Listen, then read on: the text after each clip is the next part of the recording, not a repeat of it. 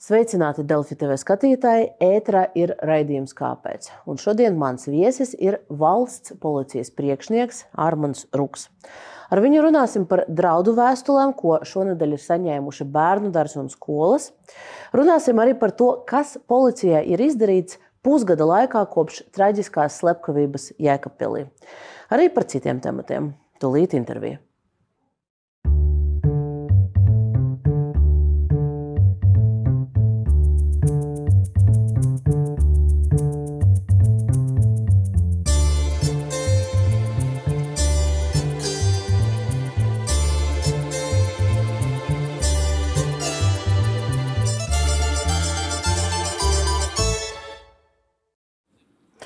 Ruku kungs, esat laipni lūgts kāpēc raidījumā.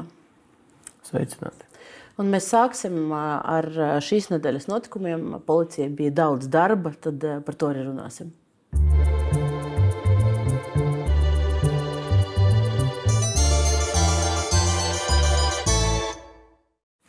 Tātad par draudu vēstulēm, ko ir saņēmušas skolas un bērnu dārza šonadēļ Latvijā, Igaunijā arī tas pats, 500 ziņojumi arī Lietuvā.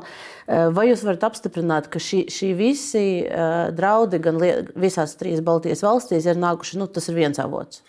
Jā, mēs tā uzskatām, jā, ka tas ir viens avots un mums ir kopēja problēma ar mūsu Baltijas valstu kolēģiem. Tātad, attiecīgi, arī kā iepriekš jau es biju jau sabiedrību informējis, mēs arī redzam šī paša avotu.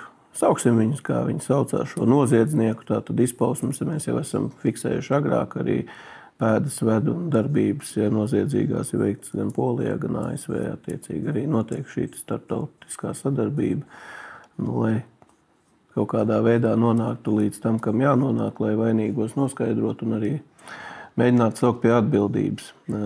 Nu, ir izskanējis, ka tie, tas, tas avots un noziedznieks ir saistīts ar ne, Latviju nedraudzīgajām valstīm. Mēs varam vārdā nosaukt, ir skaidrs, ka runa visticamāk ir vai nu par Krieviju, vai nu par Baltkrieviju, ņemot vērā kontekstu. Jautājums, vai, tas, vai tie ir neatkarīgi tādi darboņi, aktori, vai tas ir šo nedraudzīgo valstu kaut kādu valsts dienestu organizēts pasākums? Nu, ziniet, kā es teikšu, es nevaru nec apstiprināt, nec noliegt. Ja, tā tad, attiecīgi, mēs dzīvojam hibrīda kara apstākļos, un uh, mēs ļoti labi arī zinām, ka notiek nepārtraukta tāda kiberuzbrukuma plūsma, dažādu veidu izpausme. Ja, attiecīgi, ko, ko raida mums nedraudzīgās valstis, ja, tā, tad, tādu vai citādu, ne tikai Baltijas valstu virzienā, bet arī citviet pa pasauli. Un, un, un, un, nu, viena no mērķa, teiksim, reģioniem.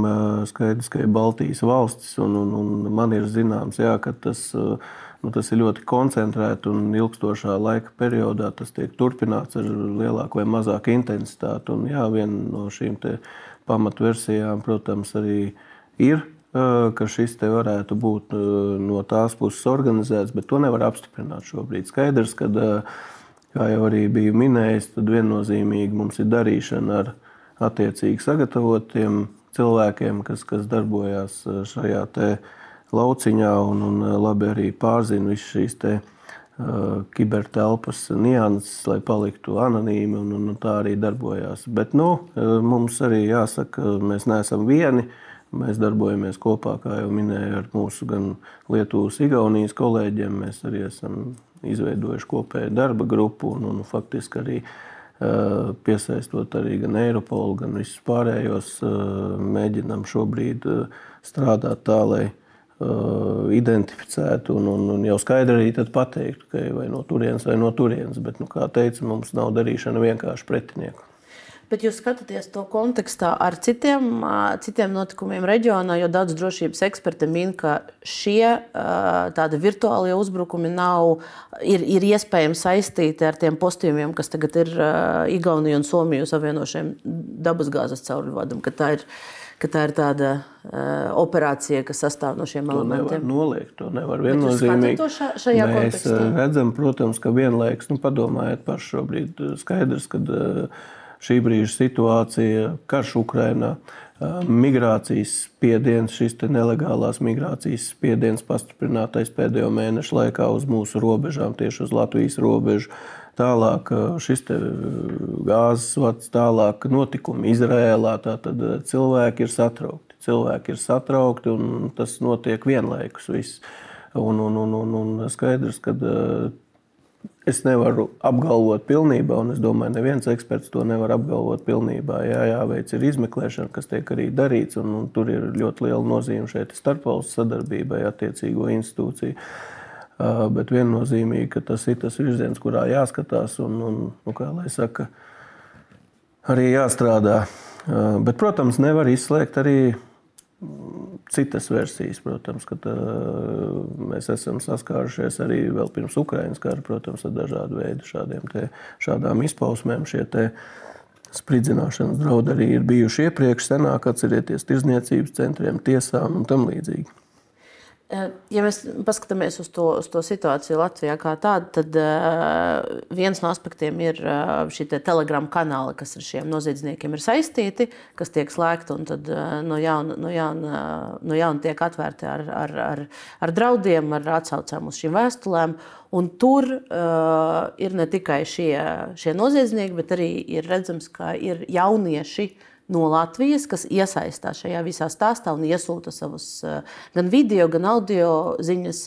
Eh, viens vakar arī sociālajos tīklos izplatījies viens video, vai tur jūs gatav, esat gatavs pastāstīt vairāk eh, par šo jaunieti, kurš tur nofilmēts ar kaut kādām patronām, Kas tur īsti ir? Nu, mēs arī strādājam, protams, tajā virzienā arī par šiem bērniem, mūsu un jauniešiem. Eh, un arī, dzen, es jau iepriekš minēju, nu, vecākiem ir jāstrādā ar savām atlasēm, jāsako līdzi interneta saturam, ko lieto, eh, ko izplatīja, ja, kādas uh, grupas apmeklē, kam piesako un tam līdzīgi. Tas ir ļoti būtiski, jo būtībā šie noziedznieki un šis un naidnieks mūsu valstī un, un reģionam, tad to vien gaida, lai pēc iespējas ir lielāka panika, satraukums cilvēkos. Un, un ja vēl tas vēl tiek pastiprināts arī dzen, ar dažādo domu, un vēl, ja tur ir iekšā visas šīs naida izpausmes, ja teiksim, raisīt eh, šo te naidu sabiedrībā starp dažādām etniskām grupām, un, un, un, un, un gan nacionālo naidu, gan,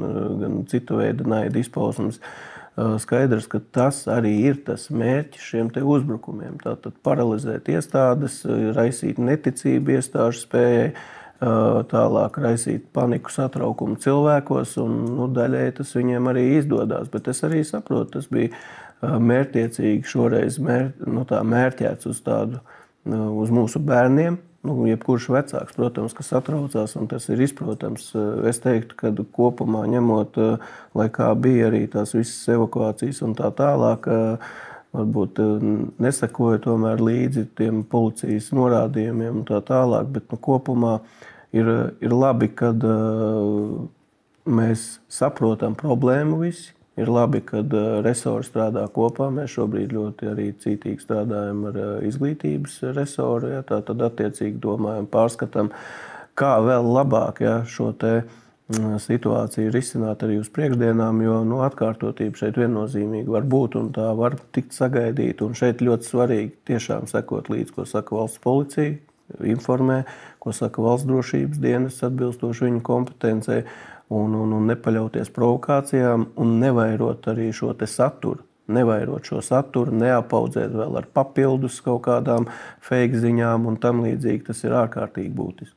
Bet atgriežoties pie tiem jauniešiem, kas ir līdzdarbojušies tajā telegramu kanālā, jums ir zināms, nu, kāpēc viņi tā darīja, kas, ta, kas tas par patronām, vai tur ir bijuši vairāk nekā viens?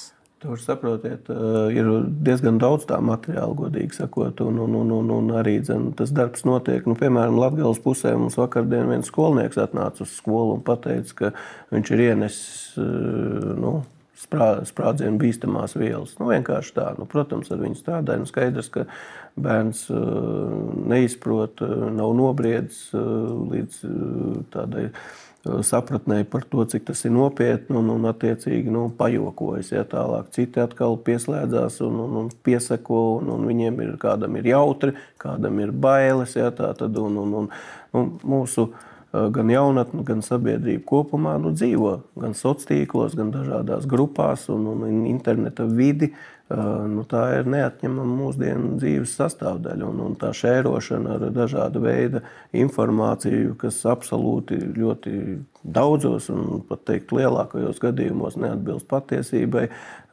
tas ir nu, diezgan grauji kopējo to mūsu morālo noturību pret šādām situācijām. Otra lieta, ka arī tās izpausmes, es arī uzreiz saku, ja, tā, tad, arī atbildības teiksim, jautājumi. Subjekts mums krimināla atbildības ir no 14 gadiem, un arī kaut kāds teiksim, te, kaut kāda naida raisīšana, tāda vai citāda. Tas ir arī nu, pie tā var tikt saukti arī nepilngadīgie pie atbildības. Ar to jārēķinās, nu, kad ir šis vecums sasniegts. Bet cik tie gadījumi ir pārbaudīti, kas ir līdzdarbojušies tajā kanālā? Es precīzi nevaru pateikt. Tur bija tajā tieši konkrētajā pirmajā tajā kanālā, nu, iedomājieties, tur bija 11,000 piesakotāji. Ja, teiksim, nu, mēs, mums izdevās, teiksim, izmantojot arī savus teiksim, iespējas ar, ar šo telegramu slēgt. Ja, šo te kanālu, nu, tika veidot jaunu, un arī viņi veido visu laiku jaunus. Šeit ir ļoti svarīgi tiešām pirmais jau ģimenēs. Pirmais ģimenēs, ja tas jautājums ir par bērniem, jo, jo mēs gan ar skolām, gan visu, visu laiku strādājam par drošo vidi, par internetu vidi. Mums ir prevencijas vadības birojas, mums ir cilvēki, kas ir atbildīgi konkrētajās struktūra vienībās, kas strādā skolās, iet stāst par dažādām tēmām, arī par šīm. Un, un, un, un, nu, ir tomēr nu, liela nozīme arī tai vidē, kurā bērns uzturās, gan skolas vidē, gan kur, ar ko kopā draudzējās, un arī, dzen, protams, ģimene. Ļoti svarīgi šeit sveicināt Latvijas ģimenes, sargājam savus bērnus un mācām viņus. Trešdien no rīta policija ziņoja, ka dēļ šiem visiem zvaniem no skolām par, par, par draudu vēstulēm bija lai, kādu laiku noslogots 110 eh, tālrunis. Un, eh, nu, vismaz sociālajos tīklos cilvēki rakstīja, ka desmit minūtes viņi nevarēs sazvanīt. Eh, tas, es saprotu, ka aptuveni 3,5 stundas tas, tas turpinājās šis noslogojums. Nu, kamēr no rīta puses tas viss bija, jo mums nāca atkārtots vilnis. Pirmais bija naktī šis te, te paziņojumi par, par vienu laiku, kad desmitos būs. Tas pēc tam jau bija ap astoņiem papildus, atkal kaut kāds laiks uz priekšu, un vēl pēc tam pirms desmitiem bija šie atkārtotie, nu, tie sūtītie e-pasti. Un, protams, ka cilvēki nu, šeit bija tas, kad arī bija pirmsskolas izglītības iestādes lielākoties, un skaidrs, ka vecāki par saviem mazuļiem nu, ļoti norūpējušies. Un tad masveidā šī zvanīšana, nu, telefona operatori mūsu, kas policijas virsnieki, nu, viņi vienkārši mēs salikām, cik varējām uz visām telefonijām, nu, kas mums ir fiziskie šie aparāti ir. Bet, nu, reāli tā arī bija. Tas noslogojums desmit minūtes bija jāgaida vairāk, ko es tagad nu, da, dažādi. Tur, nu, kā, protams, rindas kārtībā tur arī viss tas nāca. Tāpēc, bet mēs arī jau naktī, kad saņēmām, mēs izsūtījām uz visiem tiem e-pastiem arī dzen, šo te, kad šis, šie draudi, tieši šie draudi ir zema riska līmeņa draudi un ka nav jāveic evakuācijas un ka saglabājam mieru un tā tālāk. Bet nu, bija daļa, kas, protams, nu, attiecīgi tomēr tajā situācijā pieņēma citus lēmumus, izdarīja viņuprāt, nu, tajā brīdī, kas šķita svarīgi darīt un izdarīt. Tāpat tās arī vecāki skaidrs, ka nu, ir, ir Nu, būtībā šūnas apraide ir vajadzīga, ka uz visiem telefoniem aiziet šis paziņojums. Mums tāda šobrīd nav. Pie tā tiek strādāts. Nākamgad viņi būtu jāievieš. Nu, tas ir arī tas teiksim, stāsts, par ko mēs varam ļoti ātri visiem izplatīt, ka visi saņem īziņu vēl kaut kur. Mēs strādājam, mēs bijām visos sociālajos tīklos. Pats personīgi es biju televīzijā, vienā sniedzu tādu interviju, otrā tur telefona interviju. Nu, tie paziņojumi gāja, bet skaidrs, ka cilvēki arī ir satraukti. Un, un tas ir saprotams. Un uh, Igaunija jau arī tāpatās ar to pašu saskārās. Un, un, un cilvēki ir satraukti. Un es viņus saprotu. Es arī esmu vecāks, man arī bērni. Ja. Bet izņemot to nepieciešamību izsūtīt uh, šis, šīs izziņas visiem, uh, vai, vai vēl jūs tagad redzat, ka policijas darbā kaut kas ir uzlabojums, ņemot vērā šīs nedēļas pieredzi? Nu, pieejamā resursa ietvaros, nu, reāli mēs braucām gan uz tām skolām, vietām, visur teiksim, reaģējām, cik vien bija iespējams uz visām pusēm. Saprotiet, nu, lai kā mēs gribētu, ja tas ir piemēram nu, kāds iedomājas ideālo variantu, tagad pārbaudīt visas 400 iestādes, ja tur metru aiz metra iziet cauri ar, ar meklētājiem, vēl kaut ko. Ja? Nu, tas taču vispār nav reāli izdarāms nevienā pasaules valstī, un taču ir uzreiz tā masveidīgums. Tas ir saprotams arī no tāda viedokļa, ka tas ir tieši raisīt šo paniku. Būtībā tas bija tāds psiholoģiskais terors cilvēku, ja tā var izteikties. Fizisku draudu nebija. Un tas bija, mēs, mums ir tiešām arī dzen, šie izstrādāti risku novērtējumi, tie algoritmi, kā mēs novērtējam riskus, tie, tie nav tikai mūsu izdomāti, tie gan ar valsts drošības dienestu kopā strādājot, izstrādāti, gan arī ņemot visu citu valstu pieredzi, kur ir daudz lielāki. Tiešām jau kur ir arī fiziski notikuši šie visādi dažādi draudi realizēti un tā tālāk. Paldies Dievam, Latvija tādā ziņā ir droša valsts. Un, un, un, un, un šeit tātad, nu, mums ir zināms, kā jāstrādā un kas jādara. Bet viennozīmīgi, ja mēs iedomājamies, kad pēkšņi pazūd viss sakari valstī, ja, pazūd elektroapgāde. Viss kaut kas var tikt, nu, kā lai saka, viss jau strādā uz programmatūru nodrošinājumu ļoti daudz, kas saprotiet. Un, un, un, un jābūt cilvēkiem gataviem šajos hibrīdu apdraudējuma apstākļos, būt gataviem nestandarta situācijā. Un pats galvenais, ko es vienmēr esmu teicis, un svarīgi ir darboties racionāli un saglabāt mieru.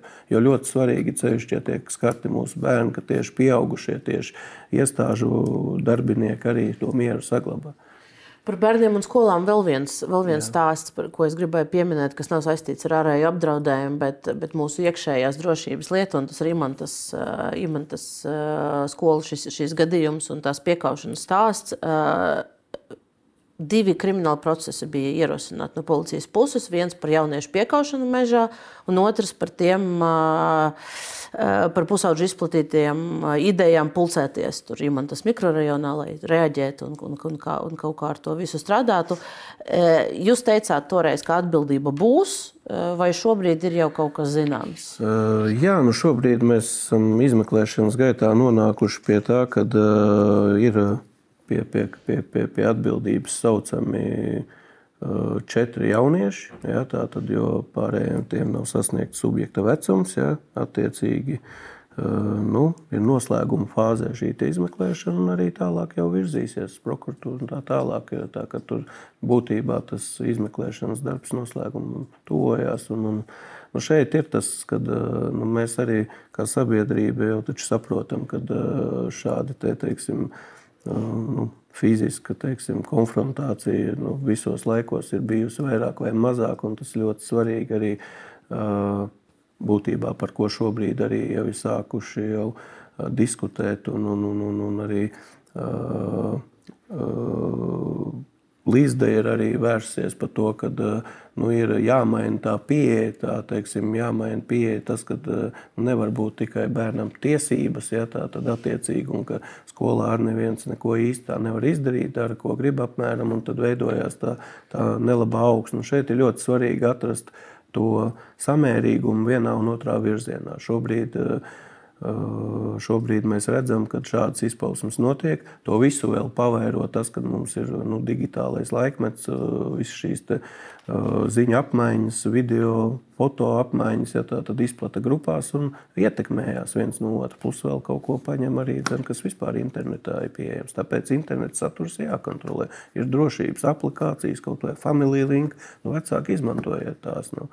Bet pie, pie, precizējot vienkārši tie, tie četri jaunieši, tad uh, viņiem ir aizdomas turāmo status, vai ne? Viņi, un tad, viņi, jā, jā. Un tad, un tad tie ir, tie ir, viņi ir saistīti ar to piekaušanu vai ar, ar tām ziņām, kas, kas tika izplatītas, lai aicinātu pulcēties un nu, atriepties. Par to kaušanos, par to kaušanos. Es, jā, es nekļūdos. Jā, tieši, nu, es arī kriminālu procesu neveicu pats konkrētajā Bet lietā. Par, te, par, par tām, un, un arī dzen, es vēlos pateikt to, ka būtībā nu, šeit ir mūsu bērni, jebkurā gadījumā, arī pat ja viņi ir iekļuvuši šajās izmeklēšanās un tā tālāk. Nu, tas tomēr ir tāds sensitīvs jautājums, un es arī negribētu ļoti tā detalizēti iet dziļāk, jo, jo skaidrs, ka arī viņiem ir vecāki, viņi paši noteikti pārdzīvo un, un, un tik agrīnā vecumā jau ir darīšana ar policiju nopietni tālāk jau izmeklēšana un vispārējais. Tā kā arī man, man tādā tīri cilvēciski, protams, arī šo bērnu ir žēl. Jo tas jau tāds ir Nu, jūs redzējāt, masveida tāds pūļa efekts, visi pavilkās informācija grupās un tā tālāk. Vēl viens stāsts, kas, kas šonadēļ ir, ir jūsu redzeslokā, un kur sabiedrība ir uzdevusi jautājumus policijai, ir par, par to, ka te ir divas nedēļas policija jau meklē uh, sievieti Svetlanu Ižaku un viņas, uh, viņas 20. gadā dzimušo meitu, un tad tri, trīsgadniece. Uh, Visticamāk, te ir, te ir bildes redzamas ekrānā, eh, ja gadījumā kāds, kāds viņus atpazīst. Tad eh, te ir jājautā, vai ir, eh, ir, ir šajā lietā kaut, kas, kaut kādi jaunumi. Nu, jāsaka, tā jaunumi ir, ja, bet es nevaru ļoti detalizēti neko pateikt. Es varu pateikt to, ka mums ir informācija, kur ir aptuveni, un, un, un, un, un, un ka ir dzīve ir dzīves gan mamma, gan meitene, bet, bet viņi nav Latvijā. Tikai to es varu pateikt. Ja. Tā tad, attiecīgi, tas jau ir, jau, ko es varu šobrīd pateikt, bet, bet eh, katrā ziņā nu, šis ir tāds stāsts, kad arī mēs minējām, ka ir veselības traucējumi gan mammai, gan meitenei. Un, un, un, un, un, un, nu, jā, bet bet nu, šobrīd ir tāda, nu, teiksim, mēs. Mm, kā lai pasaka, ir diezgan apstiprinoša informācija, ka ir abas dzīves. Nu, tā ir tāda labā ziņa. Ir ierosināts arī krimināla process? Notiek izmeklēšana, jā, tieši meklēšanas pasākumu, krimināla procesa, cik man zināms, nav, jo nav pamata uzskatīt, ka ir noticis noziedzīgs nodarījums. Es ceru, ka es nekļūdos. Es šorīt par to neesmu izrunājis ar, ar attiecīgiem kolēģiem, bet šeit nu, cilvēki pazuduši vienkārši bija. Vai, nu, vai, vai, vai, vai viņi tīši slēpjas no, no tiesību sargājušām iestādēm? Es vairāk nekomentēšu mm -hmm. šobrīd. Skaidrs, ka bija būtībā, uh, nu, attiecīgi bērnam bija jāatrodas pie tēva. Jā, tā, tā, tas bija noteikts. Un, un, un tiešām mēs par to statusu es, uh, šobrīd varam precizēt vēlāk, jā, bet šobrīd es mm. nevaru pateikt precīzāk. Uh, Nu, vēl viens stāsts, kas, kas, kas ir citādi, diemžēl, beidzies traģiski, ir, ir mazas Justīnas pazušana. Un, kur, kur viņa bija atrasta, noslapkavota vēlāk. Es gribēju pajautāt gan to, vai, vai tur ir jaunumi pēc, mēs, mēs dzirdējām, ka vecāki ir ka tēvs un pamāte ir, ir daļēji atzinuši vainu, bet, bet es gribēju prasīt, kurā brīdī tur šajā stāstā policija toreiz parādījās versija par to, ka, nu, ka tur varētu būt pastrādāts nu, tīši noziegums. Jo nu, diezgan ilgi tie meklēšanas darbi bija, un mēs gribējām vienkārši pirmā saprast, dienā. varbūt pirmā dienā. Protams, mēs versijas vienmēr izvirzam. Mums ir taču cilvēki, kas ir ar pieredzi un, un, un, un saprot, ka ir jāstrādā visos virzienos. Pirmā dienā, uzreiz, momentāli. Mēs vienmēr to skatāmies, vai eh, nav noticis noziedzīgs nodarījums. Un, un, un, un attiecīgi skaidrs, ka kamēr nav mums eh, tam apstiprinājumu un tā tālāk, tas viss ir virkne operatīvo darbību, virkne izmeklēšanas darbību attiecīgi.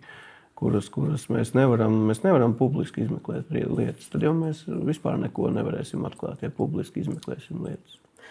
Diemžēl tas stāsts ir šausmīgs.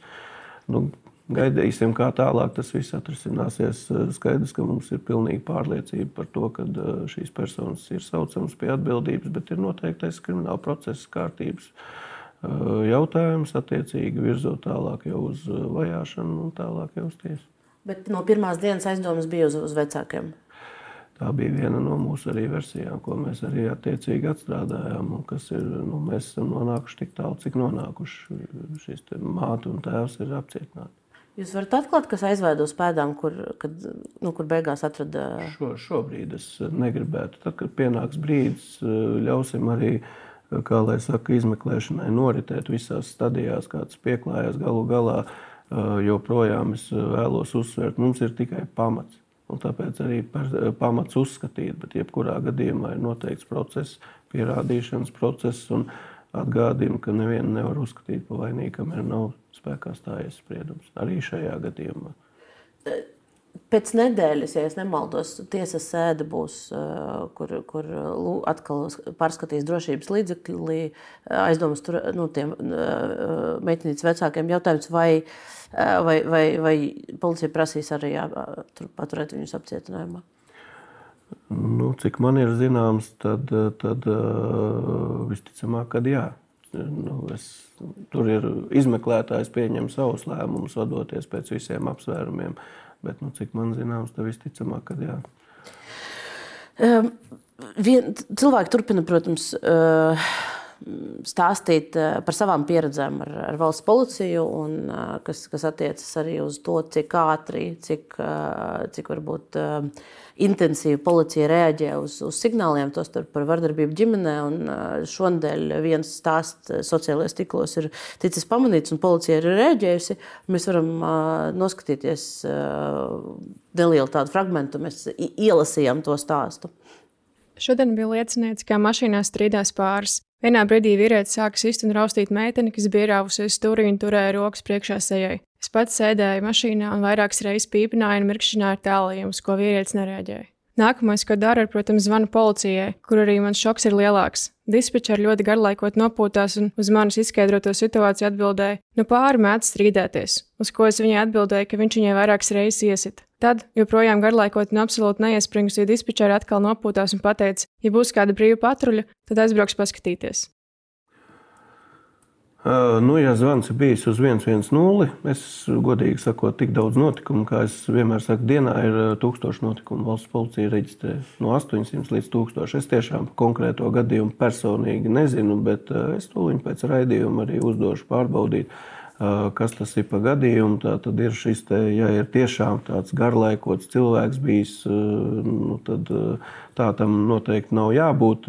It kā mums ir diezgan rūpīgi tiek pie tā strādāts, gan pie, to, pie tās komunikācijas un tā tālāk, kādā veidā pieņem izsaukums. Tas, ka varēja nebūt kāda brīva patruļa un tam līdzīgi, nu, mums ir resursu problēmas, nu, viennozīmīgi, cevišķi Rīgā. Un mums ir tie dažādas kategorijas izsaukumi. Nu, šeit ir vardarbība bijusi, uz šo bija jārēģē jebkurā gadījumā. Un, un, un, un, un, tāpēc es noskaidrošu precīzāk, sāksim iespējams arī dienas pārbaudiet, tas tā viss apstiprināsies un, un, un ierakstīts tiek saruna, jau tiek ierakstīts. Bet ko darīt šādā situācijā? Ja cilvēks saskarās ar šo, ka tu redzi vardarbību, nu, visi, visi, visi drošības noteikumi pasaka, ka ne, nav jāiesaistās.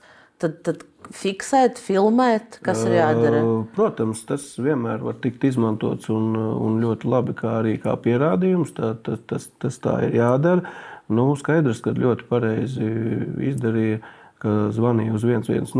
Vienīgais, es, nu, tā tiešām man vienmēr ir arī nepatīkami saņemt šo informāciju, ka atkal varbūt kāds nav izdarījis tā, kā vajag izdarīt. Bet nu, ir arī situācijas, ka tiešām mēs pārbaudām un nu, kā saka, emocijas varbūt pirmā, otrā pusē pa daudz. Un, un, nu, ir arī tādi gadījumi. Bet noteikti šis, nu, ja tiešām ir vardarbīgi bijusi, cilvēks ir fiksējis, zvanījis un, ja tur, kā saka, nopūšās un, un, un, un, un nesteidzās nekur un tam līdzīgi, nu, tad tā, tā būt nedrīkst. Labi, tad par šo mēs gaidīsim ziņas, Jā. bet uh, tagad pie, pie, pie nākamā temata un lielā bloka ar, ar jautājumiem, ko mēs esam sagatavojuši. Jo ir uh, pēc trīs dienām būs pusgads uh, pagājis kopš traģiskās slepkavības Jēkabpilī, kur uh, šobrīd aizdomās tiek turēts uh, Leons Rusiņš, kurš uh, kurš ir iespējams nogalinājis uh, savu bijušo dzīvesbiedri, viņas, uh, viņu kopīgā dēla un dzīvesbiedras bijušās mātes uh, acu priekšā. Vairāk jautājumu par, par šo stāstu ir. Tūlīt arī tos uzdosim.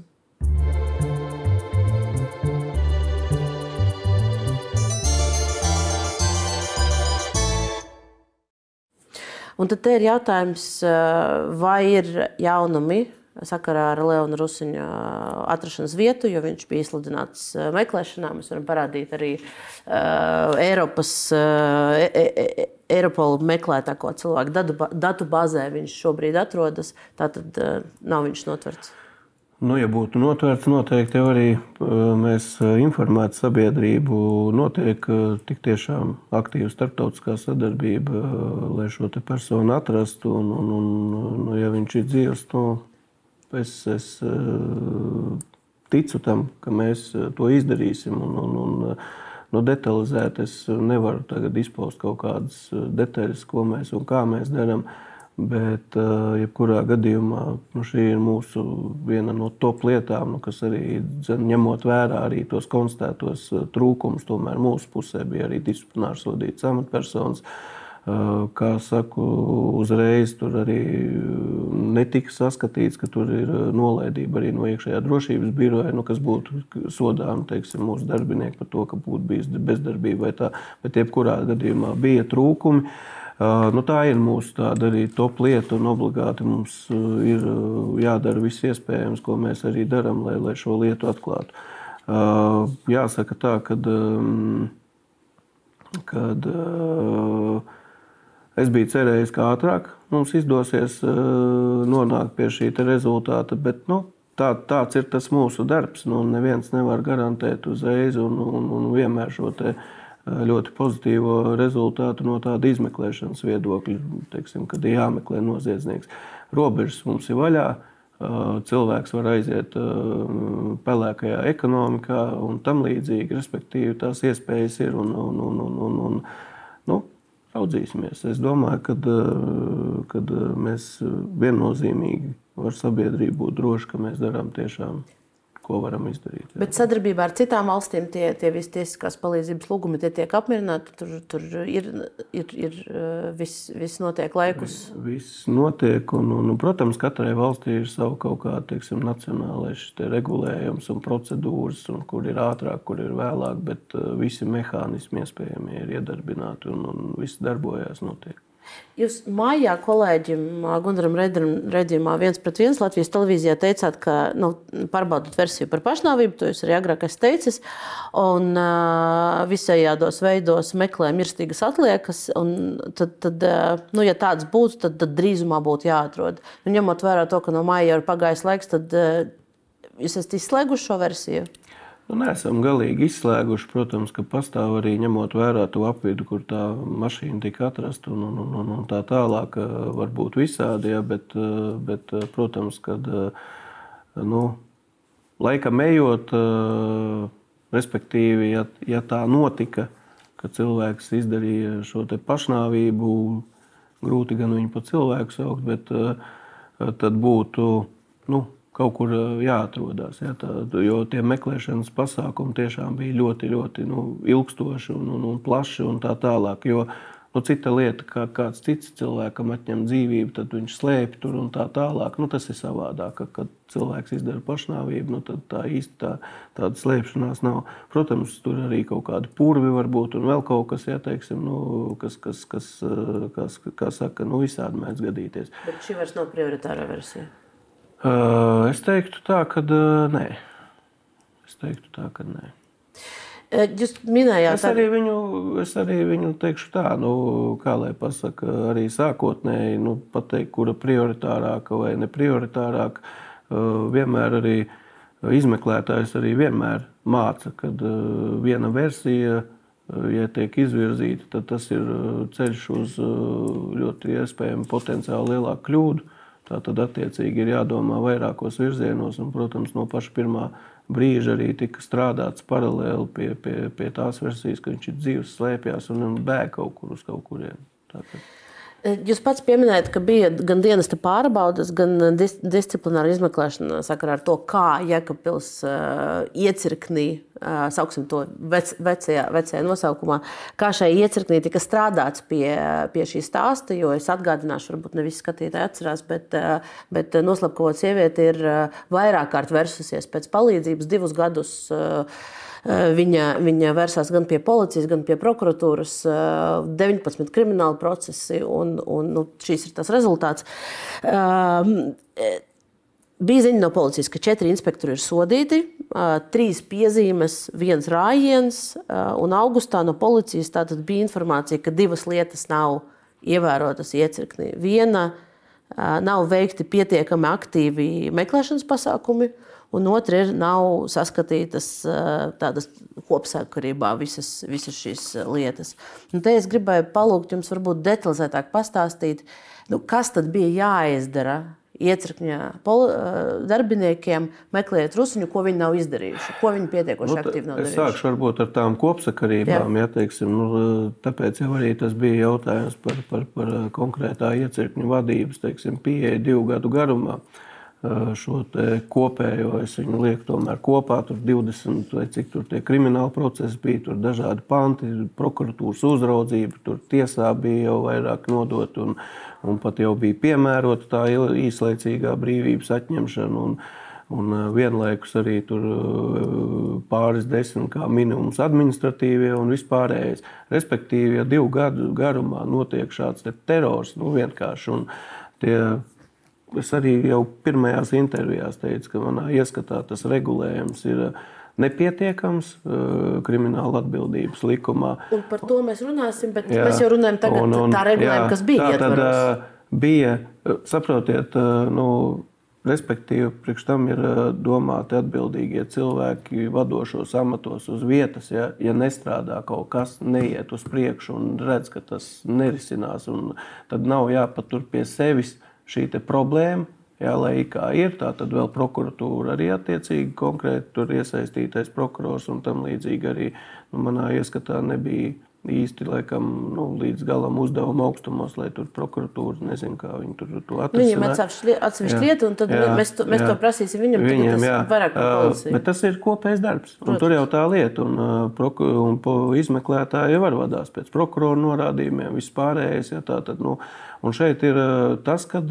nu, neizdarīja, nepaskatījās kopsakarā, ka tas samilst turpina samilst tā problēma, un, un tas nu, beidzās ar to, ar ko beidzās. Otrs ir konkrēti tika vērtēta katra, teiksim, katras amatpersonas, kuras, kuras bija iesaistītas šajos procesos, sākot no vadības, eh, darba organizācija, kontroli, vispārējais, turpinot jau ar konkrētiem izmeklētājiem un, un, un meklēšanas eh, konkrēto inspektoru, ja, cik kas ir darīts un tā tālāk. Bet, kā jau minēju, šeit nav tādas uh, teiksim, viennozīmīgi nu, vienos vārtos, ka cilvēki nedarīja savu darbu.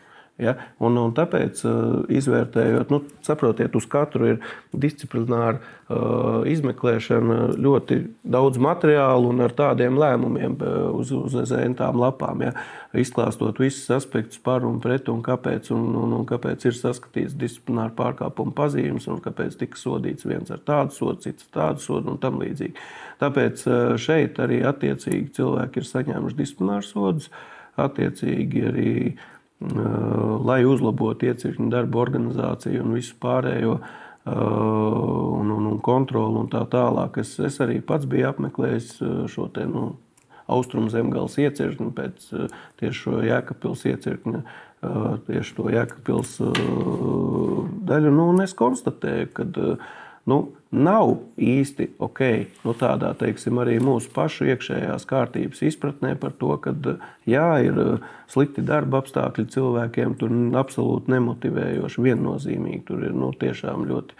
Uh, ļoti sliktā stāvoklī tas, bet tas tāpat nedod mums tiesības pavirši strādāt. Un, un, un to vidi un darba vidi mēs paši sev apkārt veidojam. Tāpēc arī uh, ir uh, iecirkņu vadītājs šobrīd dienesta interesēs komand, iepriekšējais komandēts pildīt pienākumus, ko viņš arī iepriekš bija pildījis un arī dzen, pildījis nu, pietiekami labā kvalitātē. Tātad tieši šobrīd viņš ir ir vairākas kārtības policijas bloku, uz rēģēšanas es... bloku, un vadītāji tagad ir no septembra sākuma ir jauna vadītāja, kurai tad arī ir tas uzdevums skatīties savādāk uz šīm lietām un sakārtot darbu iecirkni. Nu, jāteic, ka par, par iecirkņa iepriekšējo priekšnieku Rolandu Bērziņu es gribu vienkārši nospēlēt vienu fragmentu arī no LTV raidījuma viens pret viens, pret viens kur jūs maijā komentējāt nu, viņa, viņa atbildību.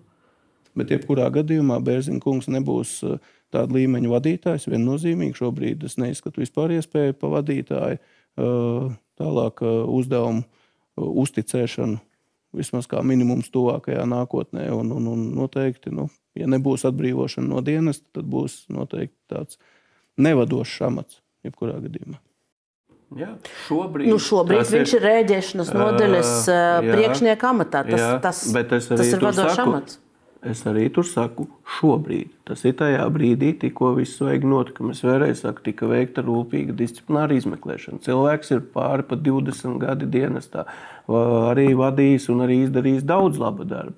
Šajā gadījumā viņš konkrētajā situācijā neizdarīja, kas no viņa tika sagaidīts, attiecīgi vērtējot viņa šo te, uh, ieguldījumu un, un spējas un visu pārējo. Tad viņš ir tur, kur tur ir. Tātad, eh, jūs saprotat, tie bija jautājumi pirmajās dienās, neatceros, kuros. Ja? Tātad notiek eh, visa veida izmeklēšanas un tā tālāk. Mēs taču nevaram, cilvēkam arī ir tiesības. Viņam ir tiesības gan uz dienestu, gan arī atbilstoši savai kvalifikācijai un visam pārējiem. Ja tur uh, ieņemt noteikts amats, un uh, ja, ja tur būtu konstatēts uh, disciplināra izmeklēšanā, ka viņš ir pazemināms amatā, kā disciplinārs sots, kas ir kā disciplinārs sots, tad tas būtu cits stāsts. Šeit tika konstatēts, ka viņa atbildība ir vērtējama, novērtējama ar rājienu. Ja, tā tad, un, attiecīgi, tā tad šobrīd arī to visu vērtējot, ko viņš darīja, ko viņš nedarīja. Un tam līdzīgi tā tad ir viņš tur, kur viņš ir. Un tie ir izsvērti lēmumi ilgākā periodā, savelkot visu kopā un tā tālāk. Mums jau arī nav tur, es atvainojos, uh, rezervistu soliņš ar nenormāliem desmitiem ļoti spējīgu cilvēku, kas visaptveroši saprot visas lietas un tā tālāk. Vēlreiz saku, šeit mēs runājam par virsnieku, kurš ir iepriekš arī, kad bija Jēkabpils traģēdija, pierādījis sevi. Viņš arī iepriekš ir visādos civilās krīzēs sev pierādījis, un tieši tajā jomā, kur viņš ir vislabāk sev pierādījis, tur viņš šobrīd arī ir. Šobrīd es nedzirdu, ka būtu no viņa tieši kaut kāda par viņa darba aizrādījuma. Nākotne rādīs. Bet, ja mēs tā savu atlikumu aprakstam šai situācijai, tad uh, sieviete ir zaudējusi savu dzīvību, uh, policija nav spējusi viņu pasargāt. Sistēma un rezultāts viņu pasargāt. Kuras, kuras valsts policija un kuras daļa ir valsts policija. Un rezultāts ir, ka neviens pat savu amatu nav zaudējis, jo nav, nav kas strādā.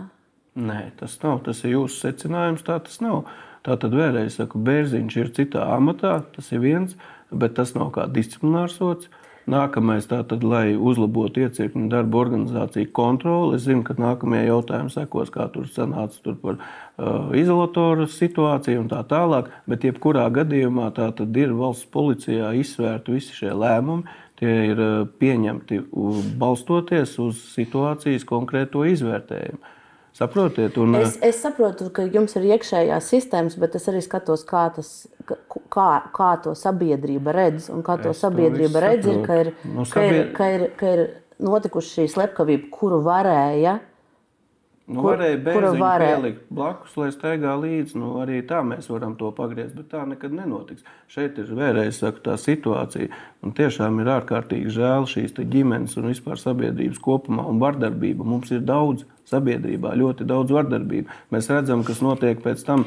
Dažas nedēļas vēlāk bija cits akāls uzbrukums, kur sieviete bija guva ļoti smagas miesas bojājumus, tāpat laikā arī dzen, policija prasīja apcietinājumu un nonāca pie situācijas, kad tomēr ar, uh, apcietinājums netika piemērots. Un atkal ir jādomā, un te jau arī tas pats bija. Bet sistēma, mēs izskatām šo konkrēto gadījumu. Vai nedrīkst, jūsuprāt, vai jūsuprāt nedrīkst. trīs piezīmes un viens rājiens šiem cilvēkiem? Rājieni, tur, tur seši sodītie, man liekas, kopā bija. Okay, tad jums ir at, jaunāka informācija, jo augustā jā, bija pēdējais, jā, ir, pēdējais updates no ir, policijas par šo. Tur, tur, man, seši liekas, man liekas, seši cilvēki. Bet jebkurā gadījumā viss turpina strādāt. Viss turpina strādāt, un arī iekšējās drošības birojas ir pārbaudījis un izvērtējis uh, savus kompetences ietvaros, vai uh, nav vērtējams uh, tātad, krimināla procesa ietvaros, krimināla atbildības ietvaros, un cik man ir informācija, un, ka nav. Tātad, Viņi ir izbeiguši procesu. Vēlreiz saku, kāpēc jūs, protams, nu, es gribētu, lai jūs mani sadzirdiet. Tātad iepriekš, un ko es arī pirmās dienās pateicu, ka policija bija reaģējusi, rosinājusi procesus, virzījusi uz prokuratūru, virzījusi un tiesā bija un nebija iztiesāta. Un uh, vienlaikus iztiesāja citu, bet citas lietas, kas bija tiesā. Mēs nedrīkstam vienam cilvēkam viņu paņemt, uh, uztaisīt pa grēkāzi, lai tas būtu iecirkņu vadītājs vai konkrētais izmeklētājs. Ja sistēma nav kaut kādā ziņā nostrādājusi kopumā, dažādās uh, institūcijās, kas ir savstarpēji saistītas krimināla procesā. Tā, tad, tā, ir ties, tā ir izmeklēšanas iestāde, prokuratūra un tiesa. Un plus vēl arī, dzen, es ļoti labi atceros tās diskusijas arī no visādiem visiem cilvēkiem, kas ir augstu kvalificēti juristi, un kad visi instrumenti ir un viss ir pietiekams, bet visos pantos bija krimināla pārkāpuma sastāvs, ka neko nevajag mainīt. Instrumenti ir, jūs tur nemākat strādāt. Beigās, ar ko tas beidzās, un paldies, ka prokuratūra atbalstīja, paldies, ka tieslietu ministrija atbalstīja, paldies, ka visi saprata, ka no 15. jūlija mums tomēr ir šīs normas stingrākas. Un par tām es, es, es, es arī Jā. pajautāšu par, par tām, vai, tas, vai šobrīd mēs zinām, kā tas tiek izmantots, bet atgriežoties pie, pie tā konstatētā, kas iecirkni nebija noticis, eh, es tomēr gribētu saprast, jūs, eh, nu, jūs runājat par to, ka kopsakarības tur nebija saskatīts, bet vai tajā brīdī esošā uh, likumiskā tā ietvara robežās uh, nu, vai, vai kas nebija izdarīts. Jo mēs, piemēram, runājām par to, ka brīžos, kad Rusiņš šai sievietei bija uzbrucis,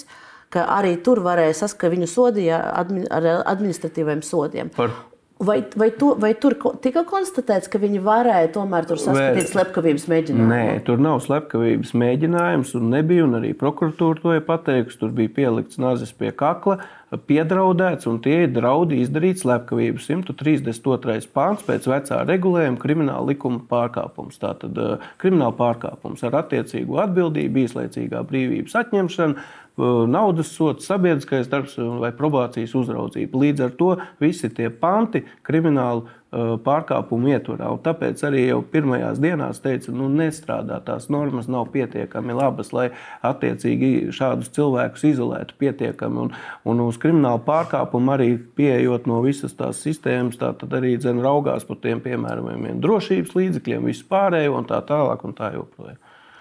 Bet, ja viņi būtu saskatījuši uh, tagad, beidzoties visai šai pārbaudēji, uh, šajā stāstā, vai jūs varat pateikt, uh, ja viss būtu strādājis, uh, nu, kā tam ir jāstrādā, un iecirknī būtu pamanīts, ka lūk, šis ir, uh, šis ir kopums, un cilvēks tiešām ir ļoti bīstams, tad būtu noticis kas?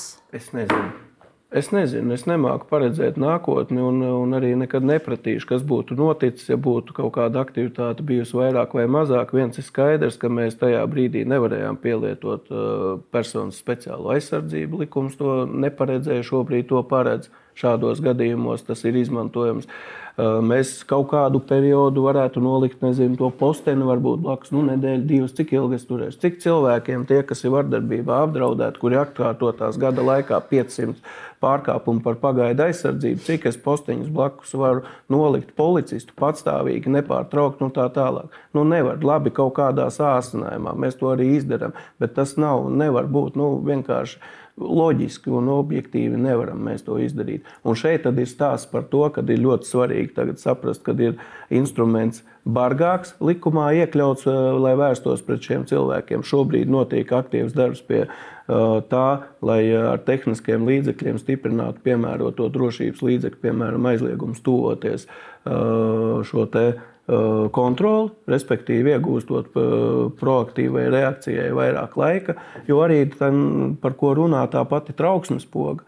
Nu, ja varmāk uzbrūk un cilvēks, lai trauksmes pogu nospiestu, tas nozīmē, ka viņam ir vizuāli jāredz, ka viņam uzbrūk. Tas nozīmē, ka ir pa vēlu. Saprotiet, un šeit ir tas, šobrīd mēs esam jau sapratuši, cik tas maksā. Mums ir konkrēts tehniskais rīks, šobrīd ir viss procesā, tur strādā tā darba grupa, krimināla tiesība attiecīgi. Nu, valstī tas, nu, ja es pa, tagad es tā negribu ļoti precīzi pateikt, bet tas ir cipars nu, ap septiņi cipari tur būs. Tas ir, respektīvi, kaut kur man teica, ka varētu kopā, ja mēs tā skatāmies tos augsta riska profilus, nu, kam vajadzētu, tas varētu izmaksāt kaut kur ap miljonu. Nu, tas sākotnēji. Varbūt pat nedaudz vairāk, bet tas eh, varbūt nebūtu tas eh, neizpildāmais, ko valsts nevar izpildīt. Tāpēc ļoti svarīgi. Es, jā. es ļoti atvainojos, man jūs jāpatrauc, ja mums ir no RTV skatītājiem jāatvadās. Mēs noteikti gan par šo drošības līdzekli, gan par citiem aspektiem, kas saistīti gan ar slepkavību, gan ar Jākapils šo traģisko slepkavību, gan, gan vēl dažus jautājumus vēl uzdosim, bet RTV ētrā atvadamies. Paldies RTV! TV skatītājiem. Es ļoti īsi uh, precizēšu, mēs runājam par, par šo elektronisko novērošanu. Vai ne? Jā, uh, Aproce uh, vai, vai. Mums tā ideja ir tāda, būtībā sanāk tas tehniskais līdzeklis, trīs punktu sistēma. Viens punkts tas ir ar cietušā piekrišanu, protams, no šī potenciālā apdraudētā cilvēka piekrišana, tad viņam arī tiek dots teiksim, instruments, respektīvi aplikācija viedierīcē, kur viņš arī redz, ka viņam tas, piemēram, tiesa pieņem aizliegumu tuvoties tuvāk par 500 metriem. Viņam uzreiz aplikācija nostrādā, viņš redz tas pats, policija redz. Attiecīgi, policija redz, ka ir pārkāpts. Attiecīgi, arī varmāka savā tajā aprocē, kas viņam ir, Pievienam. Viņš arī redz, ka viņš jau var arī nejauši mežā sēņojot, eh, kā lai saka, pietuvoties. Nu, cilvēki nu, apmeklē kaut kādas vietas, nemaz nezinot, ka otrs varbūt ir kaut kur tūmā. Un, un, un tas ir tas instruments, mēs šobrīd esam atraduši teiksim, mums liekas, ka tas varētu būt labākais risinājums. Tam ir finansiālā ietekme. Normatīvā regulējuma grozījums jau mēs esam sagatavojuši, izstrādājuši. Redakcija mums ir gatava. Tas ir krimināla procesa likuma 243. panta, kas ir par drošības līdzekļiem. Papildinošā tur tāda piektā daļa, kur ir paredzēts augsta riska teiksim, šo te subjektu gadījumā, nu, ka viņi teiksim, ir varmācīgi varbūt, un tam līdzīgi, un vairāk kārt pārkāpt to pagaidu aizsardzību, kā ar tiesneša lēmumu. Tātad tur tiesneša piekrišana, jo tas tomēr ir tāds nepārtraukts monitorings, tā cilvēka, tas cilvēktiesību jautājums, ka var papildus teiksim, noteiktajam drošības līdzeklim, vai tas ir šis aizliegums tuvoties, vai pat arī tas var būt policijas uzraudzības jautājums, varbūt mājas arestu gadījumā piemērot. Tas ir respektīvi tāds kā papildinājums tehniskais pie drošības līdzekļa, tādas nu, labākas izpildes, lai tiktu viņš ievērots. Un, un vai jūs minējāt to summu ap miljonu eiro, tad varētu šī sistēma izmaksāt? Jautājums ir, vai ar iekšlietu ministriju jums ir panākt kaut kāda vienošanās, ka šī nauda būs?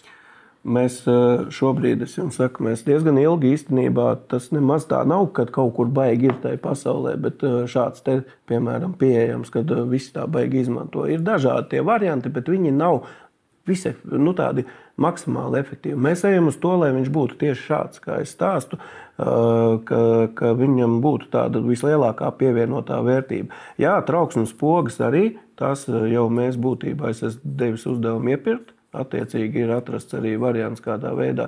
Bet tas, tas teiksim, tā, tur mums nevajag nekādus likuma grozījumus. Tas, tas ir salīdzinoši vienkāršais. Mēs esam arī esam atraduši pietiekami teiksim, to labu variantu. Tur arī policists pie nošķiršanas, kad ir policijas lēmums par nošķiršanu. Nu, tas, kas cits stāsts, vienkārši izsaukums uz vardarbību ģimenē, tad, respektīvi, tur nav pagaida aizsardzība nekāda noteikti. Vienkārši nu, skandāls ģimenē, tur vardarbība. Uh, Vienu nošķir līdz astoņām dienām, kā tas mums ir noteikts, var arī bez, eh, tās, eh, bez tā apdraudētā cilvēka piekrišanas, kā mēs zinām no pagājušā gada februāra. Un, Attiecīgi, cilvēkam ir šī poga, kura sūta arī koordināts, kur viņš atrodas. Attiecīgi, policija saņem, bet, bet kā jau teicu, viņam nav tāda, teiksim, viņš tāpat nedod to iespēju, ja tas varmāk nāk, nu viņš ir paspējis izdarīt. Bet mūsu mērķis ir panākt, lai mums ir tomēr tā iespēja. Plus vēl tā ierīce, tā aproce un viss pārējais. Arī tam ir disciplinējošs moments klāt. Viennozīmīgi to es saskatu. Tās pogas sāks. Es ļoti gribu. Pogas, šitās trauksmes pogas, tas ir būtībā, es domāju, tuvākā laika jautājums, pavisam nu, tuvākā. Es domāju, ka mēs, es, vai... es, es ļoti ceru, ka mums izdosies laicīgi visu to pēc iespējas ātrāk tūliņ sadarīt. Ja, teiksim. Bet es saku, tas nav tāds. Nu, tas ir mēnešu jautājums, dienu. Nē, tas ir pilnīgi nogad, nē, šogada jautājums. Šogad par trauksmes pogu. Okay. Tas ir šogad jautājums, tas, tas, to mēs izdarīsim. Bet, ja mēs runājam par aprocēm un to miljonu, par aprocēm, par aprocēm tā, Nākamajā budžetā ministrija iekļaus šo pieprasījumu vai, vai, es vai domāju, noteikti, noteikti. Jūs, jūs domājat, vai jūs zinat? Nē, nu, mēs esam par to runājuši. Nu, kā, nu, var jau būt par šo brīdi plāni mainās, bet es domāju, ka šis jautājums ir tik uh, sabiedrībai svarīgs un arī mums tas darbu atvieglot. Mēs jau gribam tos cilvēkus nosargāt. Nav jau tā, ka, mēs, uh, ka mums ir uh, kaut kāda vienaldzība. Galīgi noteikti. Ne. Es pareizi saprotu, ka iekšlietu ministrija ir jums apsolījusi, ka viņi pieprasīs no valsts budžeta šo finansējumu vai atradīs iekšējos resursus. Tā, tā tad šis jautājums par finansiālo ietekmi būtībā burtiski divu dienas atpakaļ es dabūju to aptuveno ciparu, par ko es šobrīd runāju. Tas ir aptuvenais. Ja? Jo mēs arī profilējam, ja mums ir gada laikā tie pārkāpēji kaut kādi tur. Kā lai saka, kas vairāk kārt pārkāpj pāri pa 500 reizes, ja? tie ir 500 cilvēki būtībā, kas jau sāk krist šai profilā. Tālāk, ja tādi uh, kas vairāk kārt pārkāpj, ja, un tādi jau ar tādu agresivitāti klāt. Mēs šeit runājam jau par pa kaut kādiem 150. Ja, tā tad mēs arī datus skatāmies, nu, kādi ir tie. Un tad mēs runājam būtībā par kaut kādiem no 100 līdz 150 šiem te ka tādi būtu vajadzīgi, ja teiksim, viennozīmīgi. Bet uh, profilējot, mēs skatāmies, ka tie varētu plus mīnus būt starp 300 un 400, nu, lai būtu tas nu, reāli, tiešām varētu tā masveidā arī šo piemērot. Jo tas, ja cilvēks pārkāps šo te piemērotā teiksim, neievēros vai ņems nost to aproci vai tā, tad uzreiz procesa virzītājiem pamats ierosināt uz apcietinājumu. Tātad viņš negrib sadarboties, viņš grib turpināt un tā tālāk. Un kad varētu iesniegt grozījumus, lai šo visu būtu iespējams ir realizēt? Izstrādāts, un es saku, tūliņām vienīgais, kas bija, tas mums, saprotiet, jā, summa konkrēti rīki. Mēs Bet jau sakām, varētu iesniegt nu, grozījumus. Nu, šogad. Viennozīmīgi, un es, es vispār gribu, lai šogad viss tas sāk darboties, bet es nevaru apsolīt sabiedrībai, jo uh, izgrozīt uh, teiksim, šo te likumu, tas ir parlamenta, protams, jautājums, un steidzamības kārtībā to var izdarīt diezgan ātri īstenībā. Jautājums ir arī, dzen, lai mēs ar šo tehnoloģiju, arī, nu, kā ir likums, lai arī mēs viņu varam uzreiz jau darbināt. Nu, tas tāds savstarpēji saistīta lieta. Ļoti īsi atgriežoties pie, pie, pie uh, Rusiņa, uh, šis te. Uh, šī nozieguma izmeklēšanas. Jūs minējāt, ka nu, viena no lietām, ko iecirknis nav izdarījis, nav pietiekoši viņam sekojis līdzi. Un, un, Tur jūs varat precizēt, ko tieši, ko tieši nepietiekoši izdarījuši ir policisti meklējot viņu? Nē, nu saprotiet, nu kā, nu mēs arī skaidrojam, pieprasām paskaidrojumus. Cik tad jūs meklējāt, cik jūs tur bijāt, cik jūs tur pārbaudījāt, kā Kas jūs pārbaudījāt. Izdarīts? Nē, nu mūsu ieskatā teiksim, mēs konstatējām, ka varēja intensīvāk meklēt. Tur uzreiz pretī, protams, nu, ir vēl citi visādi darbi, citi meklējumi, vispārējais. Atkal kā vienmēr resursu stāsts. Tālāk tas ir vilcies divu gadu garumā. Es domāju, ka arī kaut kāds drīzāk jau kādam varbūt iestājās. Nu, tā, to, to tā grūti pateikt, bet jau tāda jau no, apmēram pieeja, jā, nu atkal šitie un atkal tā, jā, mums ir 40 Eh, kopā procesa, administratīva un, un, un krimināla procesa. Plus vēl bija tas, ka tas uh, varmāk, viņš jau arī uz ārzemēm bija. No ārzemēm arī bija bombijas, un mēs konstatējām, nu, ka viņš ir ārzemēs. Ja, tā, tad attiecīgi pa, kā lai saka, pa kriminālu pārkāpumu atkal sākās stāsts par to, ka gluži tur tās izdošanas tādas nav. Ja, tā tad attiecīgi, nu, kā, kā, kā, mēs, kā mums gribētos. Ja. Nu, respektīvi, Mūsu ieskatā varēja to noteikti darīt intensīvāk, mūsu ieskatā varēja rūpīgāk teiksim, pieiet kaut vai tai mašīnai, ja, pastīties, vai, vai kur viņš bija filmējis, ja, teiksim, nu, kur, kur, kur, kur nu, kontrolējis, attālināt un tam līdzīgi. Ja. Nu, Ir nianses, pie kā noteikti varēja strādāt labāk, bet pateikt, ka dēļ šitā visa cilvēkiem būtu vienkārši.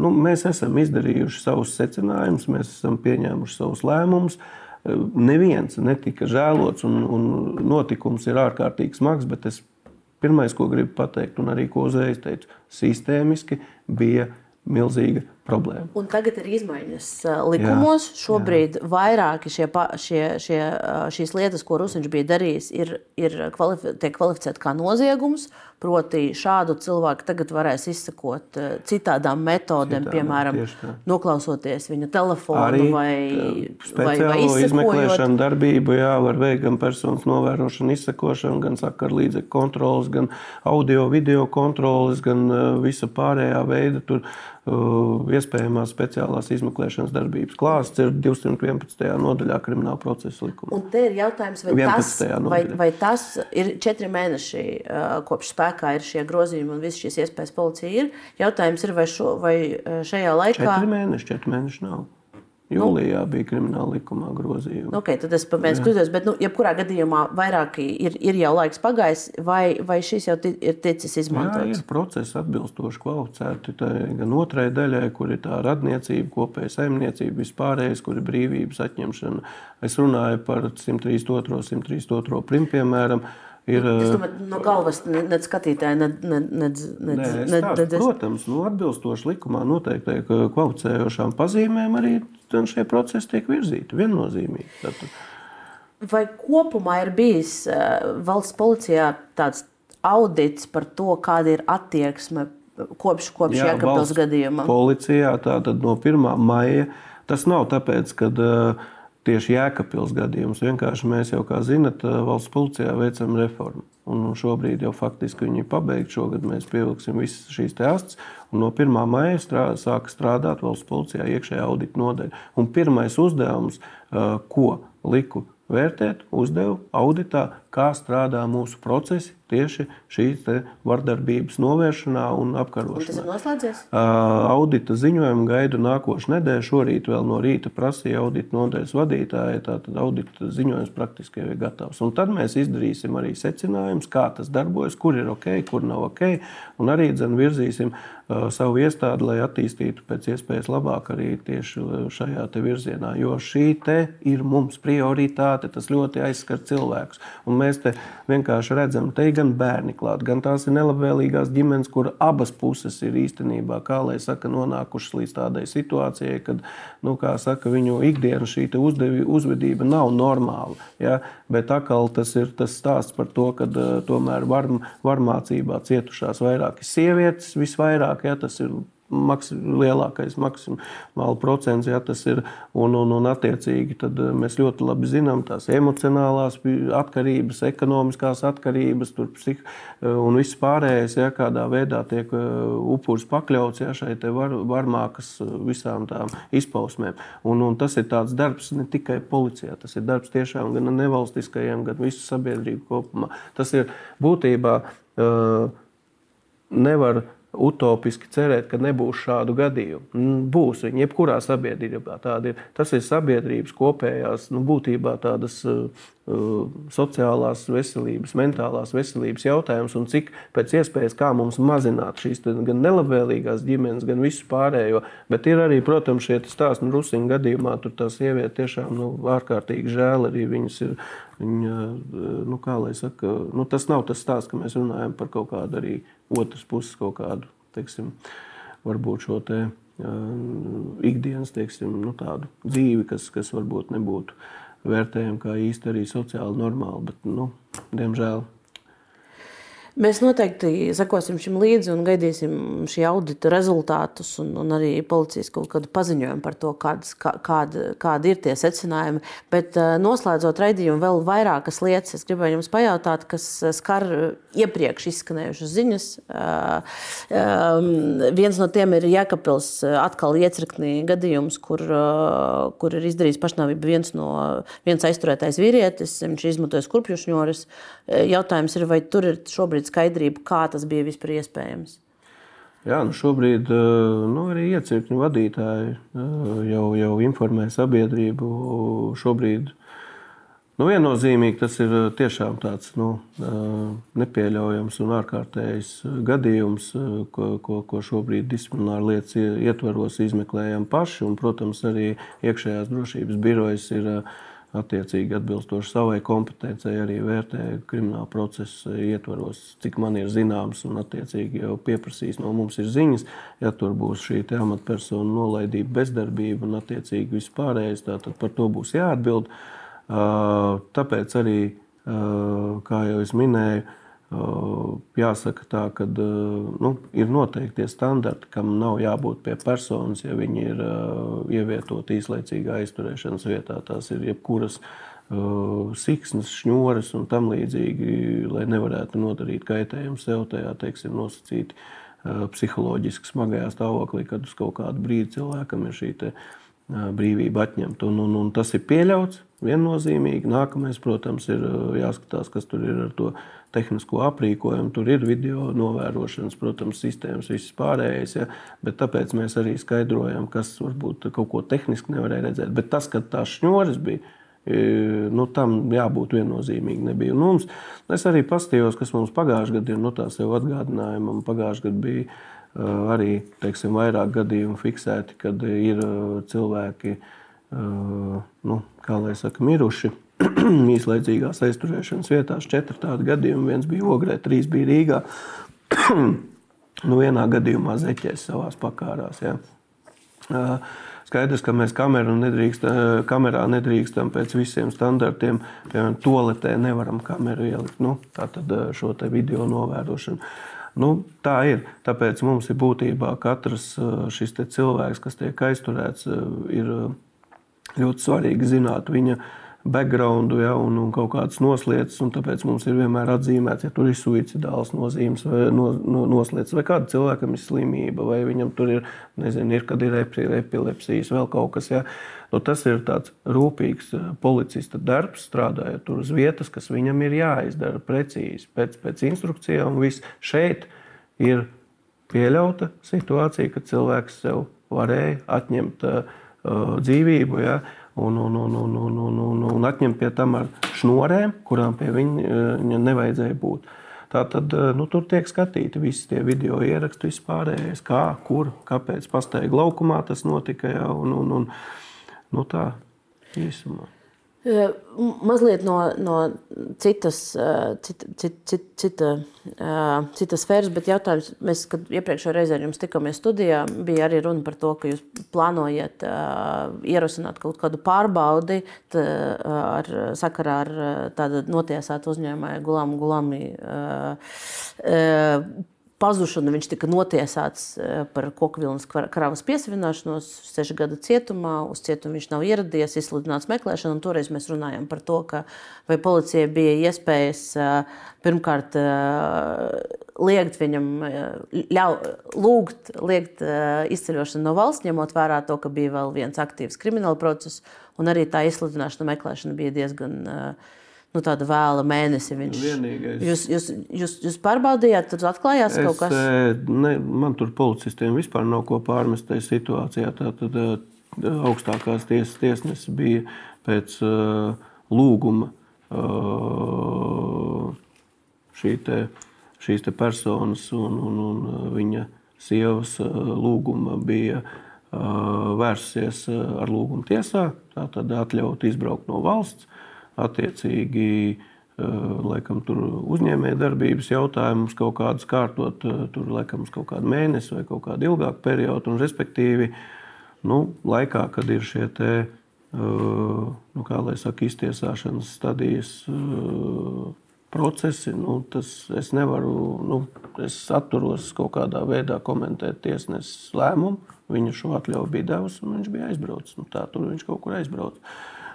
Ir Tas kaut kādas ziņas par viņa atrašanās vietu šobrīd. Nē, nu, viņš ir meklēšanā. Protams, starptautiskā meklēšanā un tiek meklēts attiecīgi. Nu, darām savu darbu noteikto uh, uzdevumu ietvaros. Bet nu, tas, kad uh, policija pieļāva, lai viņš aizbrauktu, tā, tā nebūs gluži taisnība. Um, Viens, viens, uh, viena lieta, kas šobrīd joprojām ir uh, policijas redzeslokā, uh, un tur turpinās izmeklēšana, vismaz pēc pēdējām ziņām, kas ir publiski izskanējušas, ir basketbola treneris Andris Teļmaha lieta. Mani kolēģi Delfi tepat ziņoja, ka bija mums rakstu sērija par to, ka viņam savu, savulaik esot bijušas attiecības ar, ar nepilngadīgo savu audzēkņu. Tur ir minēts vecums 14, 15 gadi šajā stāstā. Un, viņam šomēnes mēnesi atjaunoja licenci, viņš pēc pusgada pauzes turpina strādāt. Um, un te jautājums ir, vai, vai viņam šobrīd ir kāds status tajā izmeklēšanā, uh, jo pēdējais ziņas ir, uh, nu, ka, ka nav, nav, nav vēl viņam noteikti nekāds status. Nu, jāgaida, kamēr pabeigs to pirmstiesas izmeklēšanu, respektīvi, nu, kā lai saka, nu, tas gadījums ir. Uh, Viņš ir kvalificēts atbilstoši tā, kas, par ko ir paredzēta atbildība. Bet viņš ir šobrīd aizdomas turamies? Es nepateikšu precīzi statu, status, godīgi sakot, bet katrā ziņā izmeklēšana attiecībā pret viņu tika vērsta šo personu, un attiecīgi tātad izmeklētājs arī nu, dara visu, kas ir jādara procesa ietvaros. Un, un, un, un šeit par šo te tāda veida gadījumiem, nu, ar, ar kaut kādu periodiskumu, nu, ir tie gadījumi. Nu, neesam arī mēs unikāla valsts. Un, Un, bet pateikt, ka tas ir kaut kādā masveidā, ja teiksim, nu, kad uh, ir tie gadījumi, cilvēki padalās atkal, ja liekas, ka tā ir baigā masa, ja, bet tā nav. Viennozīmīgi tā nav. Bet te laikam ir stāsts, stāsts ir par to, ka nu, tās, tās iestādes, kur, kurš, kurš izsniedz šīs licences un atbildīgās, atbildīgas iestādes, tur nu, notiek tāds futbols, kur, kur šis, šī bumba atkal tiek mesta policijas lauciņā. Jo, jo tur saka, ka kamēr nav nekas no policijas dzirdēts, tikmēr viņš var turpināt strādāt. Uh, Nu, saprotiet, nu, kā lai jums pasaka, ja procesa virzītājs nav pieņēmis um, konkrētu drošības līdzekli, kas ir aizliegums nodarboties nu, ar kaut kādu noteiktu darbošanos. Ja, tā tad, kas Kiferin, ir piemēram ārsteņa Kifrina gadījumā, bija uh, jā, tā, drošības tad, līdzeklis, bija nu, aizliegums strādāt. Nu, te ir atkal tas stāsts par to, ka nu, tad, izmeklētājs vadās no viņa rīcībā esošajiem lietā fiksētajiem faktiem, apstākļiem, liecībām. Citiem pierādījumiem, ja tā tad un, un pieņem šo lēmumu par tādu vai citu drošības līdzekli, personai ir piemērots aizdomās turētā status. Uh, ja šī persona turpina strādāt, tā, tad viņam tas liekts nebija. Vai nu otrs, viņš pārkāpa drošības līdzekli. Nu, ja viņš pārkāpa, tas ir, būtu piefiksēts attiecīgi, tad būtu stingrāks drošības līdzeklis. Drošības līdzeklis tāds nav, jo Jā, viņš nu, tā tad, tā tad es nevaru šobrīd nosodīt nekādā veidā šo procesu virzītāju, arī procesu pie tam, par cik viņš vēl ir rezonants un vispārējais arī prokuratūra uzrauga, ja tā tad attiecīgi nu, es uh, domāju, ka uh, kolēģi dara atbilstoši situācijai un apstākļiem, kas tajā procesā ir. Tas, ka, protams, tas raisa rezonanci un jautājums, nu, uh, viennozīmīgi. Bet, bet nu, šeit jau ir arī ir tas stāsts par to, ka eh, nu, mums ir jāsaprot, ka mēs dzīvojam tomēr tiesiskā valstī un cilvēki nu, vadās pēc, pēc likuma, kāds ir noteikts, nu, pēc apstākļiem un pēc likuma. Bet cilvēciski, vai jūs, varat, jūs vērtējat to, ka cilvēks ar šādu, šādā procesā nu, tagad uh, trenēs 16 gadnieces? Saprotiet, ir gadījumi, ko var pārbaudīt tikai krimināla procesālām metodēm. Uh, negodprātīgi, teiksim, es nerunāju par šo gadījumu, ja, būtībā var panākt kriminālu procesu pret jebkuru gandrīz personu, ja, ja, ja vien ir ļauns nodoms. Ja, par, par dažādiem veidiem mēs vienkārši ir tā, ka uh, ir jāveic arī šīs te, tas pats pret policistiem IDB arī. Kā es vienmēr arī kolēģis mierinu, kad ir jāsaprot, ka citādi nevar nemaz pārbaudīt, uh, vai, vai tas atbilst vai neatbilst. Tā tad uh, atbilstoši krimināla procesa likumam, tātad uh, vadoties, ir pamats bijis uzskatīt, ka iespējams ir noticis noziedzīgs nodarījums, kāds krimināla procesā ir rakstīts, un attiecīgi ir uzsākts krimināla process. Notiek izmeklēšana, detaļas kaut kādas apspriest. Pirmkārt, es nemaz nedrīkstu, otrkārt, arī dzen, tik detalizēti nezinu, bet es paļaujos, ka prokuratūra kopā ar izmeklētāju, nu, ņemot vērā vēl visu rezonanci, nu, protams, uh, saprot, ko dara un, un, un pieņem atbilstošus lēmumus. Tas ir mans komentārs. Vēl, vien, vēl, vēl vienu rezonanci izraisījušais, izraisījušais tāds stāsts no policijas bija Jānis Kapostiņš, kurš krimināla izmeklēšanas pārvaldes bija priekšnieka vietnieks. Viņš Par viņu bija tāda aizdoma ēna. Viņš tika atstādināts no amata, disciplināra lieta. Un aizdomas ir par to, ka no, šā, no viņa pārvaldības nodaļas ir informācija ir, ir, ir noplūdusi. Šobrīd, nu, vismaz privāta detektīvu reģistrā, ir, ir Jānis Kapostiņš arī tāds privāts detektīvs. Jautājums ir, vai, vai ar šādu reputāciju cilvēks var saņemt šo licenci, ko izsniedz valsts policija. Nu kā, ko nozīmē reputācija? Reputāciju uzbūra cilvēki, uzbūra mediju un vēl vispārējais. Kā arī es iepriekš biju minējis, pret kāpostiņu disciplināru izmeklēšanu tika uzsākta par iekšējo normatīvo aktu pārkāpumiem. Atbilstoši tam tika veikta iekšējā disciplināra izmeklēšana. Kāpostiņa kungs izman, nu, tātad, viņam sanāca tā, ka uh, strauji pasliktinājās veselības stāvoklis, un attiecīgi viņš uh, atbilstoši šim centrālās medicīniskās ekspertu komisijas atzinumam, tika atzīts par nederīgu dienestam, un par cik viņš bija nodienējis ilgāk par 20 gadiem, viņš izmantoja dienas gaitas likumā noteiktās tiesības un devās izdienas pensijā. nevis iz, nu, tādā nu, dēļ veselības saistītā teiksim, pensijā, viņš nav nec notiesāts. Nedz pret viņu ir kāds krimināla process, cik man ir zināms, un, un, un šobrīd teiksim, tāda likuma ietver licencēšanas un atļauju sistēmu kolēģiem uh, nekāda pamata viņam neizsniegt šo licenci nebija. Tāpēc atkal mēs mēģinām tiesāt cilvēku pēc kaut kādām, kur kas ko ir ierakstījis kādā vienā portālā, vai otrā, vai trešā. Nu, tā nav. Respektīvi, ja cilvēks būtu vainīgs, pret viņu būtu izmeklēšana, attiecīgi virzīta un vispārējais.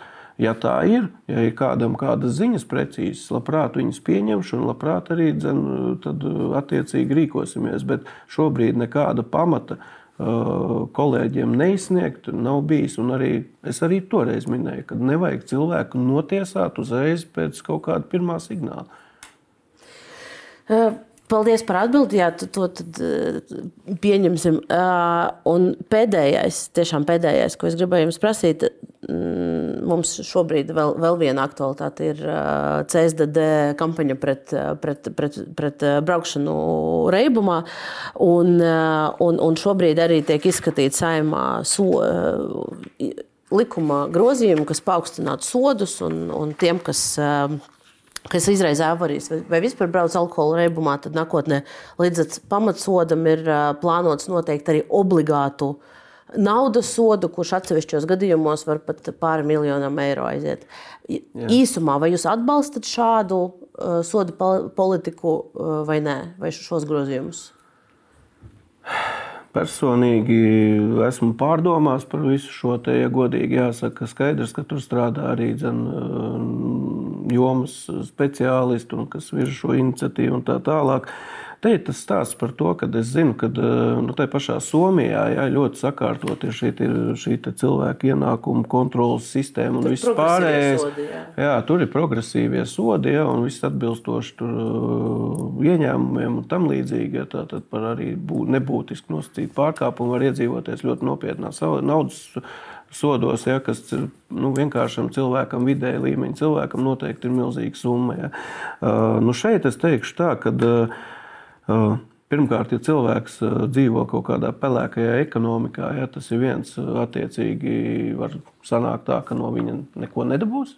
Nu, tas ir tas risks, ar ko jārēķinās. Otrs ir tas, ka nu, cilvēks, arī, kas dzīvo tagad, teiksim, nosacīti, maksā nodokļus, strādā godīgi un viss pārējais. Un, ja viņš iekuļās šādās problēmās, nu, tad piemērojot sodu tur pusmiljonus, miljonus un tā tālāk, ja viņš ir kaut kāds cilvēks ar parastiem ienākumiem, tad kad viņš to vispār ir spējīgs nu, kaut kādā veidā sekt, tas ir viens jautājums. Otrs, nu, es šeit arī redzu savu veidu riskus. Noteikti tiek vērtēts arī viennozīmīgi. Es negribu pateikt, ka šī ir nepareiza virzība, jo mums ir jācīnās ar šo problēmu. Eh, bet eh, katrā ziņā, vai mēs arī kaut kādu daļu neiedzīsim, ja tiešām tāda būs daudz gadījumu, kaut kādā, nezinu, nu, viens ir valsti pamest, aiziet kaut kādā pelēkā ekonomikā un tam līdzīgi, ja viņš tur vēl nav. Tā ka šeit tas ir tāds no manas puses, eh, vēl ir jābūt diskusijai. Vēl ir jābūt diskusijai. Tas ir no mans personīgais viedoklis, atļaujos viņu paust. Tā tā. Bet uh, par pārējām lietām, kas notiek saistībā ar ceļu satiksmes drošību, es esmu gandarīts, ka šobrīd aktīvi uz Latvijas valsts ceļiem tiek uh, šīs vidējā ātruma Distances kontrolas sistēmas izvietotas eh, ļoti domāju, ka tas būtiski ietekmēs eh, šo satiksmes drošību, jo ir daudz pārkāpumu fiksēti gan, gan eh, šīs viņietes, gan, gan bez tehniskām apskatēm, bez apdrošināšanām. Pats par sevi ātrumi jau tur ir 1000, 1300 vai cik tur pārti piefiksēti, ja, teiksim, tikai jau tagad, ko izliek pēdējos. Ja. Tāpat tās arī dzen, šobrīd vērtējot, salīdzinot teiksim, pagājušā gada deviņus mēnešus un šī gada deviņus mēnešus par tiem pašiem dzērāju šoferiem, mēs jau sabiedrību visu laiku inter, in, in, informējam. Un, protams, ir daudz arī šo. Bet, ja paskatāmies skaitļus, ja, un, un, un teiksim, arī to, ka mums tomēr policisti šobrīd ir vairāk ielās, mēs jau viņus izdzinām uz ielām, tiem mobīliem iecirkņiem, un viņi ar to strādā. Ka, Būtībā mēs runājam deviņos mēnešos par kopējo dzērāju šoferu skaitu. Es nerunāju par krimināliem, tikai es runāju vispār sapulsojot, jo pirms tam jau mums bija administratīvā, tikai bez tiesībām bija krimināla. Tad mēs redzam, ka ir deviņos mēnešos kaut kādi 600 gadījumi mazāk. Ja? Tātad, protams, ilgākā laika periodā mēs arī redzēsim vēl pēc gada, kas būs vēl. Ja, tā tad plus šīs sistēmas tehniskās. Arī konfiscēšana. Tas, tas ir at, at, attaisnots, attaisnojies? Nē, nu, mēs esam, cik es tā, ja pareizi atceros, šobrīd, tad man liekas, ka kaut kāds tūpie jau tū nāk pie 2000 kopējais, ja tas konfiskā, nu, kaut kāds 1700 vai 800. Uh, nu kā, mēs viens ir piedzinamā vērtība, ja mašīna nav pašam piederoša. Otra ir, mēs jau visi, visi jau neiet uz Ukrajinu tikai, bet, nu, respektīvi, daļa iet uz Ukrajinu. Eh, daļa tieksim, tiek izmantoti tie mehānismi, kas eh, nozīmē, ka eh, valsts rīcībā nonāk ja, konfiscētā manta. Protams, ka nu, vienai daļai tas es, es tam ticu, kad lika aizdomāties.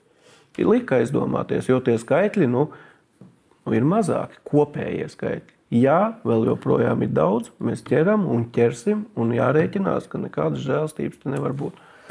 Nu, tad ar šo, ar, šo, ar šo frāzi mēs arī noslēgsim šo raidījumu. Paldies! Valsts policijas priekšnieks Saramans Ruks šodien bija raidījuma Kāpēc studijā. Paldies visiem skatītājiem!